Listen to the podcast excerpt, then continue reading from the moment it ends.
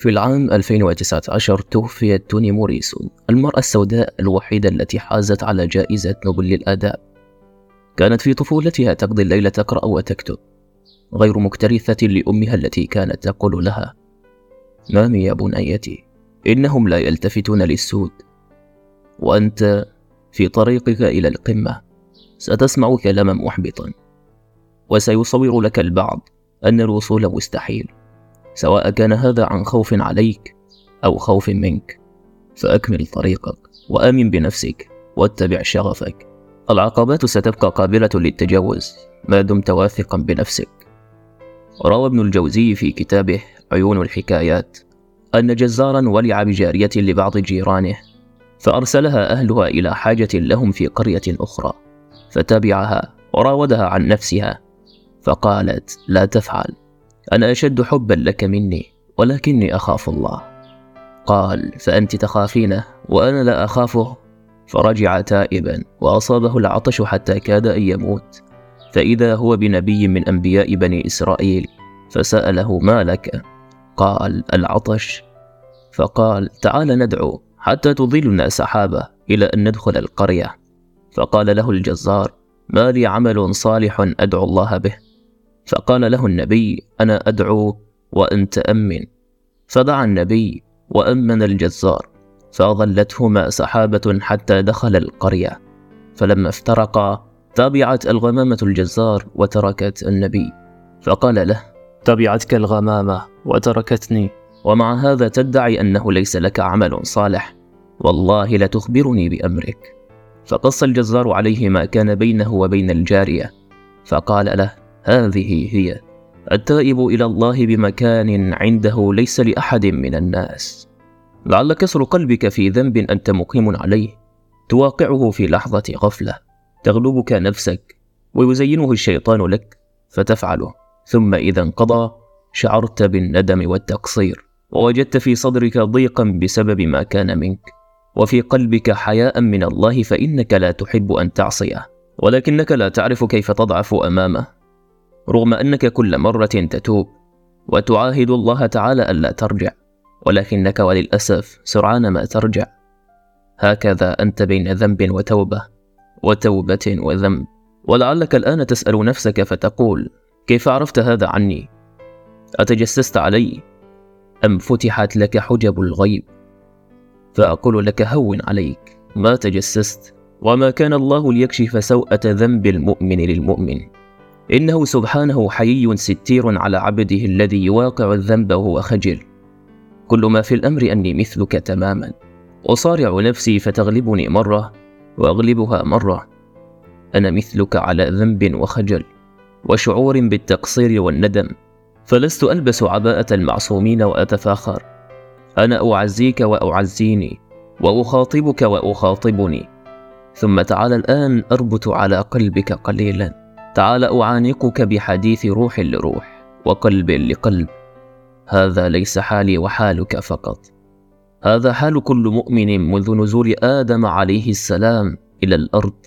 وهكذا سيبقى حال كل مؤمن حتى قيام الساعة. فسبحان من عصم الأنبياء وستر على المؤمنين عندما علم انكسار قلوبهم رغم الذنوب. وحبهم له سبحانه رغم عصيانهم. يقول النبي صلى الله عليه وسلم يواسيني ويواسيك ما من عبد إلا وله ذنب يعتاده الفينا بعد الفينا. أو ذنب هو مقيم عليه لا يفارقه حتى يفارق الدنيا وإن المؤمن خلق مفتنا. توابا نساء إذا ذكر ذكر. ما أحلاه من حديث وما أعذبها من طبطبة. ما من عبد إلا وله ذنب. وهذا من باب النقص الذي يعترينا نحن البشر جميعا. يعتاده الفينة بعد الفينة. أي يقلع عن الذنب ثم يعاوده فيقع فيه حينا بعد آخر ويفعله على سبيل العادة المتقطعة. أو ذنب هو مقيم عليه لا يفارقه حتى يفارق الدنيا فهو دائم الوقوع فيه حتى يأتيه الموت. في حرب ضروس مع نفسه وشيطانه ولكن الحرب سجال نصر مرة وهزيمة مرة. إن المؤمن خلق مفتنا. أن يمتحنه الله بالبلاء والذنوب والفتن توابا وهي صيغة مبالغة بمعنى كثير التوبة. ولا يكون كثير التوبة إلا من كان كثير الذنب نسيا أي أنه يعاهد ثم ينسى. يشتد ثم يضعف يقرر ألا يفعل ثم يفعل. ولكنه مع ذلك إذا ذكر ذكر. وهنا بيت القصيد أنه يستحي ولا يتجبر ينصاع للحق ولا يتكبر يخجل من هذه المعصية ولا يجاهر بها. لست أشجعك على المعصية بقول هذا حال كل مؤمن. هذه قول نبيك من قبل. وإنما أقول لك استمر في حربك مع الشيطان. هزيمة اليوم انتقم منها بنصر الغد وذنب اليوم سارع بالتوبة منه. وإذا لم تستطع أن تتخلص من معصية زاحمها بالطاعات. ولكن إياك أن يعظم الشيطان ذنبك في عينك إلى درجة ترى معها رحمة الله سبحانه قليلة لو أذنبت ألف مرة تب ألف مرة. إن الله تعالى ما سمى نفسه الغفار إلا رحمة بالمذنبين أمثالي وأمثالك. وإلى أن نلتقي في الجنة بإذن الله نعزي بعضنا ونهون على بعضنا الطريق. أهرب لقد اكتشفوا أمرنا. هذا ما أرسله الكاتب مارك توين لعدد من الشخصيات المرموقة في أمريكا على سبيل الدعابة. وفي صباح اليوم التالي كانوا كلهم قد غادروا أمريكا. والشيء بالشيء يذكر. أكلت عنزة بعض كتب الأديب أحمد بهجة. فكتب مقالا ساخرا يتهم فيه الماعز بمحاربة الفكر. في اليوم التالي اشتكاه عشرة أشخاص. كان كل واحد منهم يعتقد أنه يقصده. خذها عندك قاعدة. السيئون سيعتقدون دوما أن رسائلك موجهة إليهم.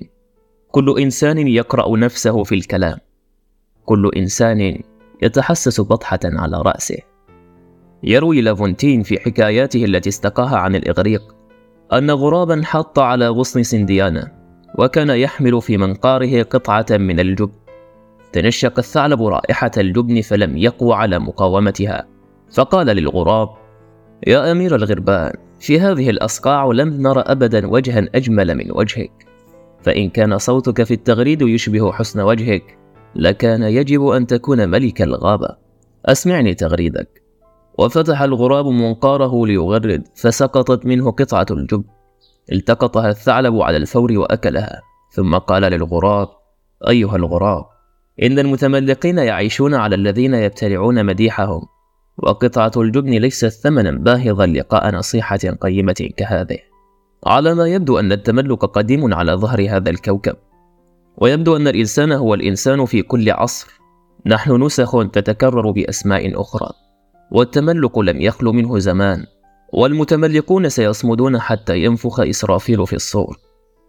مدح شاعر أحد الأمراء فلم يعطه شيئا فقال الشاعر إن لم يكن منكم فضل لذي أدب فأجرة الدرب أو كفارة الكذب. ووقف شاعر معوج الفم أمام أحد الولاة ليمدحه. ولكن الوالي لم يعطه شيئا وإنما سأله فما بال فمك معوجا؟ فقال له من كثرة الثناء على الناس بالباطل. وحدث زلزال في مصر في عهد المعز الفاطمي فقال الناس هذا غضب من الله.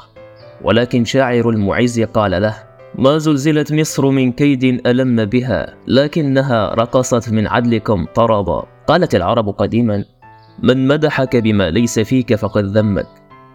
المتملق إنما يذمك على هيئة مديح. وإنه متى أخذ حاجته منك ابتعد عنك وذهب لغيرك. ولا تنس أبدا أن من مدحك مرة بما ليس فيك فسيذمك يوما بما ليس فيك أيضا. هي التي من أجلها تشرق الشمس. هذه أول جملة غزل موثقة في التاريخ البشري. قالها الملك رمسيس الثاني عن زوجته نفرتاري؟ ولا زالت محفورة في معبد أبي سمبل. وبعدما قرأ علماء الآثار سيرة حياته التي وجدت في قبره مكتوبة على أوراق البردي اكتشفوا أنه كان متزوجا عليها 54 امرأة. يبدو أن بعض الأشياء لا تتغير في هذا الكوكب. بعض الحب مجرد كلام جميل ليس إلا في بهجة المجالس للفقيه المالكي بن عبد البر أين عيينة ابن أبي سفيان قال وأرسلني إلى عمي عتبة أخطب ابنته فأتيته فأقعدني في حجره وقال مرحبا بأقرب قريب خطب وأحب حبيب ورد. لا أستطيع له ردا ولا أجد من نفعه بدا. قد زوجتك إياها وأنت أعز علي منها وهي أحظى بقلبي منك فأكرمها يعذب على لساني ذكرك ولا تهنها فيصغر عندي قدرك. وقد قربتك مع قرابتك فلا تباعد قلبي عن صلتك. والله لو تعلمون مقام البنت في قلب أبيها ما أهينت امرأة في بيت زوجها. ولا نامت ليلة دامعة العين ولا مكسورة الخاطر. فالبنت قطعة القلب إن لم تكن كله. الغرس الرقيق الذي سقي بماء القلب. والضلع الضعيف الذي حرس بأهداب العين. ولولا أنها سنة الحياة والفطرة التي فطر الله الناس عليها ما فرط أب بابنته لزوج ولو كان أكرم الناس. فإن فراقها غربة وبعدها وعثاء وخلو البيت منها موحش ولكنها الحياة وبهذا تستقيم. وبعض الفراق لا بد منه. ولولا مغادرة السهم قوسه لم يصب. فترفقوا يرحمكم الله. فما هن إلا كالأسيرات فقيدوهن بالحب وكبلوهن بالمعروف وضيقوا عليهن بالعناق. تتسع لكم ولهن الحياة. فالأحضان أوسع الأماكن الضيقة على هذه الأرض. وأنتم معشر الآباء لا يفسد عليكم الواقع فطرتكم. ولا تخونوا عهد الحب الذي في قلوبكم لعادات المجتمع البالية. وتقاليده التي ما أنزل الله بها من سلطان. البنات لسن سلعا للبيع يقدمن إلى من يدفع مهرا أكثر. البنات أمانات فأدوا الأمانات إلى أهلها. إلى من ارتضيت دينه وخلقه ورأيت أنه قادر على صونها وإسعادها. إلى من أخذها من أهلها ليكون أهلها وإلا فاتركها عندك أيسر لك ولها. فإنك مسؤول عما فعلت بها. وعن المورد الذي أوردتها إياه وعن الرجل الذي جعلتها عنده. بالإضافة إلى كونه أشهر فيزيائي في العالم كان إسحاق نيوتن عضوا في البرلمان الإنجليزي أيضا. ولكنه طوال فترته النيابية لم يدل بأي تصريح داخل البرلمان ولم يسمع أحد صوته يتكلم إلا في مرة واحدة يتيمة. حيث قال لزميل له في البرلمان أنت أغلق النافذة لو سمحت. كان نيوتن يملك آراء حول ما يدور نقاشه لا شك. الرجل الذي غاص في القوانين الحاكمة لهذا الكوكب لم يكن يصعب عليه أن يغوص في قوانين إنجلترا ولكنه كان يسكت لأنه كان يعرف أن إنجلترا لا تدار من تحت قبة البرلمان في ذلك الوقت. فلا تتلف أعصابك في حديث لا يغير شيئا. الصمت أحيانا أبلغ خطاب روى ابن القيم في مدارج السالكين أنه رأى في بعض الطرق بابا قد فتح وخرج منه صبي يستغيث ويبكي وأمه خلفه تطرده حتى إذا خرج أقفلت الباب في وجهه ودخلت. فذهب الصبي غير بعيد ثم وقف مفكرا فلم يجد له مأوى غير البيت الذي طرد منه. فرجع مكسور الخاطر حزينا فوجد الباب مغلقا فجلس عند العتبة حتى غلبه النوم فخرجت أمه ولما رأته على تلك الحال لم تملك قلبها عنه فارتمت عليه وجعلت تضمه وتقبله وتبكي وتقول له يا بني أين تذهب عني؟ ومن يأويك سواي؟ ألم أقل لك لا تخالفني؟ ولا تحملني بمعصيتك لي على خلاف ما جبلت عليه من الرحمة بك والشفقة عليك وإرادتي لك الخير. ثم أخذته ودخلت. ولله المثل الأعلى والصفات المثلى وما نحن معه إلا كهذا الطفل مع أمه. ليس له إلا بابها. فإن أغلقت دونه ضاقت عليه الأرض بما رحبت.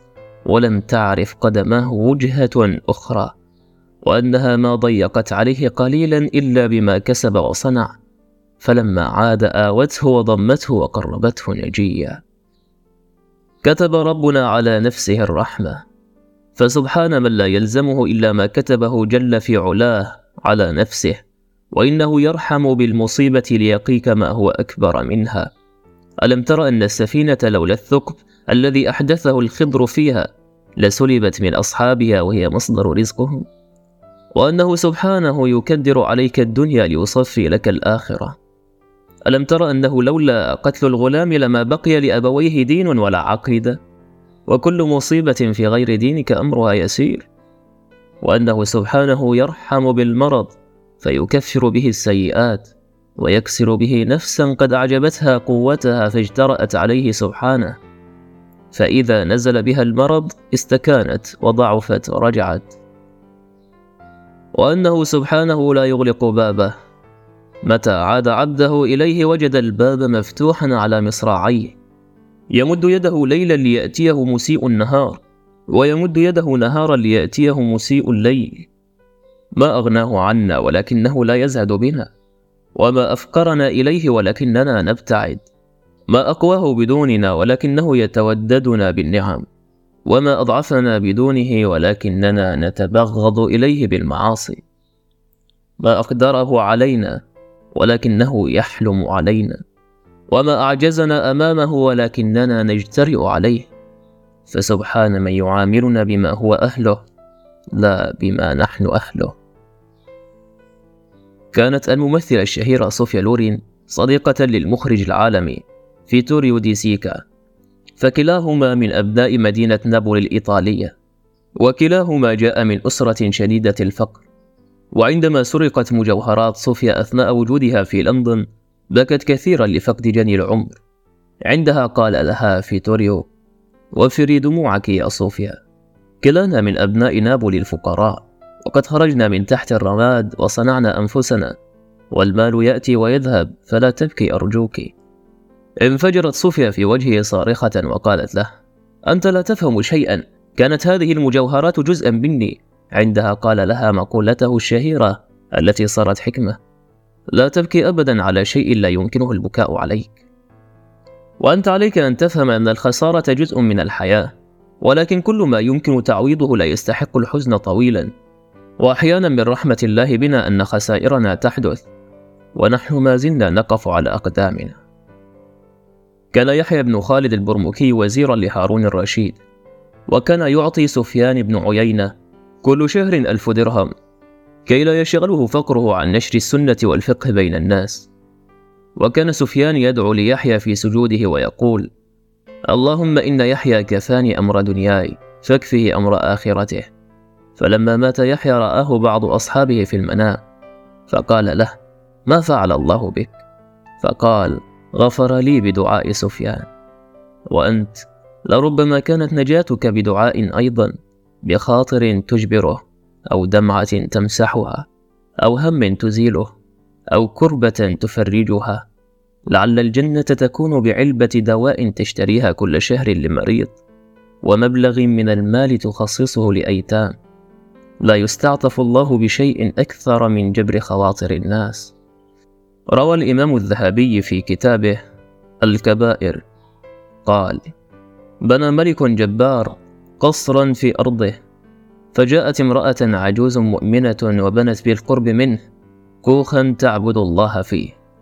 فركب الجبار يوما فرسه يطوف أرجاء قصره فرأى الكوخ فقال ما هذا؟ فقيل له امرأة عجوز تسكنه. فأمر به فهدم وسوي بالأرض ولم تكن المرأة حاضرة. فجاءت فرأته قد هدم فقالت من هدم هذا؟ فقيل لها إن الملك ركب فرآه فأمر بهدمه. فرفعت يديها إلى السماء وقالت يا رب أنا لم أكن فأنت أين كنت؟ فأمر الله جبريل أن يقلب القصر على من فيه فقلبه وهلك كل من فيه. الظلم عاقبته وخيمة. فإياك أن تظلم أولئك المساكين الذين ليس لهم إلا الله. فربما نمت أنت مغتر بقوتك فرحا بنصرك فقام هو من الليل موجعا يتجرع مرارة ظلمك فتوضأ وصلى ركعتين قال في سجودهما فدعا ربه أني مغلوب فانتصر.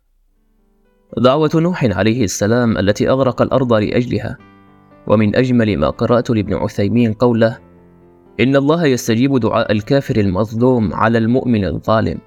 لا حبا للكافر ولا بغضا للمؤمن ولكن حبا للعدل وبغضا للظلم.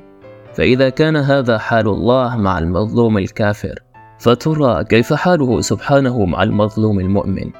حدثني والد زوجتي رحمه الله قصة كان شاهدا عليها. كان لأحد الأثرياء والمتنفذين محل تجاري. بالقرب منه بيت صغير لأرملة مسكينة فأراد أن يشتري البيت منها بثمن بخس ليوسع محله فأبت أن تبيعه إياه وأين تذهب بأولادها فجعل يختلق عليها قصصا ويتهمها في عرضها فدخلت يوما محله التجاري وقالت له ألم تجد سبيلا لأخذ البيت مني غير أن تتهمني في عرضي؟ إلهي إن كان كاذبا مفتريا فأرسل له قذيفة لا تبقي منه أكثر من كيلو لحم. ودارت الأيام واستجيبت الدعوة. وأقسم لي عمي أنه كان من بين الذين جمعوا أشلاءه. لم يبق منه أكثر من كيلو لحم ليدفنوه. فسبحان نصير المظلومين المستضعفين. فإن ضاقت بك الدنيا من ظلم العباد وإن كان كسر قلبك تجبر الظالمين واعتداء المتنفذين فارفع يديك إلى السماء واستقوي بمولاك ثم انتظر دورة الأيام فإنه سيشفي قلبك. قرأت حكاية في أكثر من كتاب من كتب التراث. تقول الحكاية كان لأحد الولاة الظالمين مساعد هو في الظلم مثله. وفي يوم من الأيام بينما هو يسير على شاطئ النهر رأى صيادا فقيرا قد قام باصطياد سمكة كبيرة فنظر الظالم إلى السمكة وقد أعجبته. فذهب إلى الصياد وقال له بأسلوب حاد أعطني هذه السمكة يا هذا. فرد عليه الصياد قائلا هذا قوت أبنائي. فقام الرجل بضربه وأخذها منه بالقوة ومضى في طريقه. وبينما هو يمشي إلى منزله عضت السمكة على إبهامه وتسببت له بألم شديد جدا حتى أنه لم يستطع ليلتها أن ينام من شدة الوجع. وفي الصباح ذهب الرجل إلى الطبيب يشكو إليه حاله فقال له الطبيب يجب أن يقطع إبهامك فورا. وإذا انتظرت أكثر من الممكن أن أضطر إلى قطع ذراعك بالكامل. ذهب الرجل إلى منزله محتارا في أمره لا يدري ماذا يقرر. وبمرور الساعات بدأت يده بكاملها تؤلمه ألما شديدا. ثم انتشر الألم في الساعد فذهب الرجل يستغيث بالطبيب فنصحه الطبيب بقطع يده إلى المرفق. وفعلا قرر الرجل هذه المرة أن يستمع لنصح الطبيب. وقطعت يده إلى المرفق من شدة الألم. ولكن الألم لم يتوقف قط. وانتشر إلى العضد. وأصبح أقوى وأشد مما مضى. فقال له الطبيب علينا أن نقطع يدك من كتفك حتى لا ينتشر الورم في كامل جسدك. وهكذا كان. وعندما كان الناس يسألونه عن سبب قطع يده كان يقول إنه صاحب السمكة. وفي يوم ذكر هذا الرجل قصته لأحد الشيوخ فقال له الشيخ لو كنت ذهبت من البداية إلى صاحب السمكة واستحللت منه لما قطعت يدك. ونصحه بالذهاب إليه وطلب رضاه ومسامحته وعفوه. خرج الرجل يبحث عن صاحب السمكة في المدينة حتى وجده. فوقع على قدميه يقبلهما ويبكي بكاء شديدا ويستحلفه بالله أن يعفو عنه ويسامحه. فتعجب من فعله وسأله من أنت؟ فقال له أنا الذي أخذت منك سمكتك بالقوة. وحكى له قصته. فقال له صاحب السمكة أنه قد سامحه لما رأى ما وصل إليه من بلاء. فسأله الرجل إذا كان قد دعا عليه يوم أخذها منه بالقوة. فقال الصياد نعم. قلت يومها اللهم إنك أريتني قوة هذا الظالم علي فأرني قوتك عليه.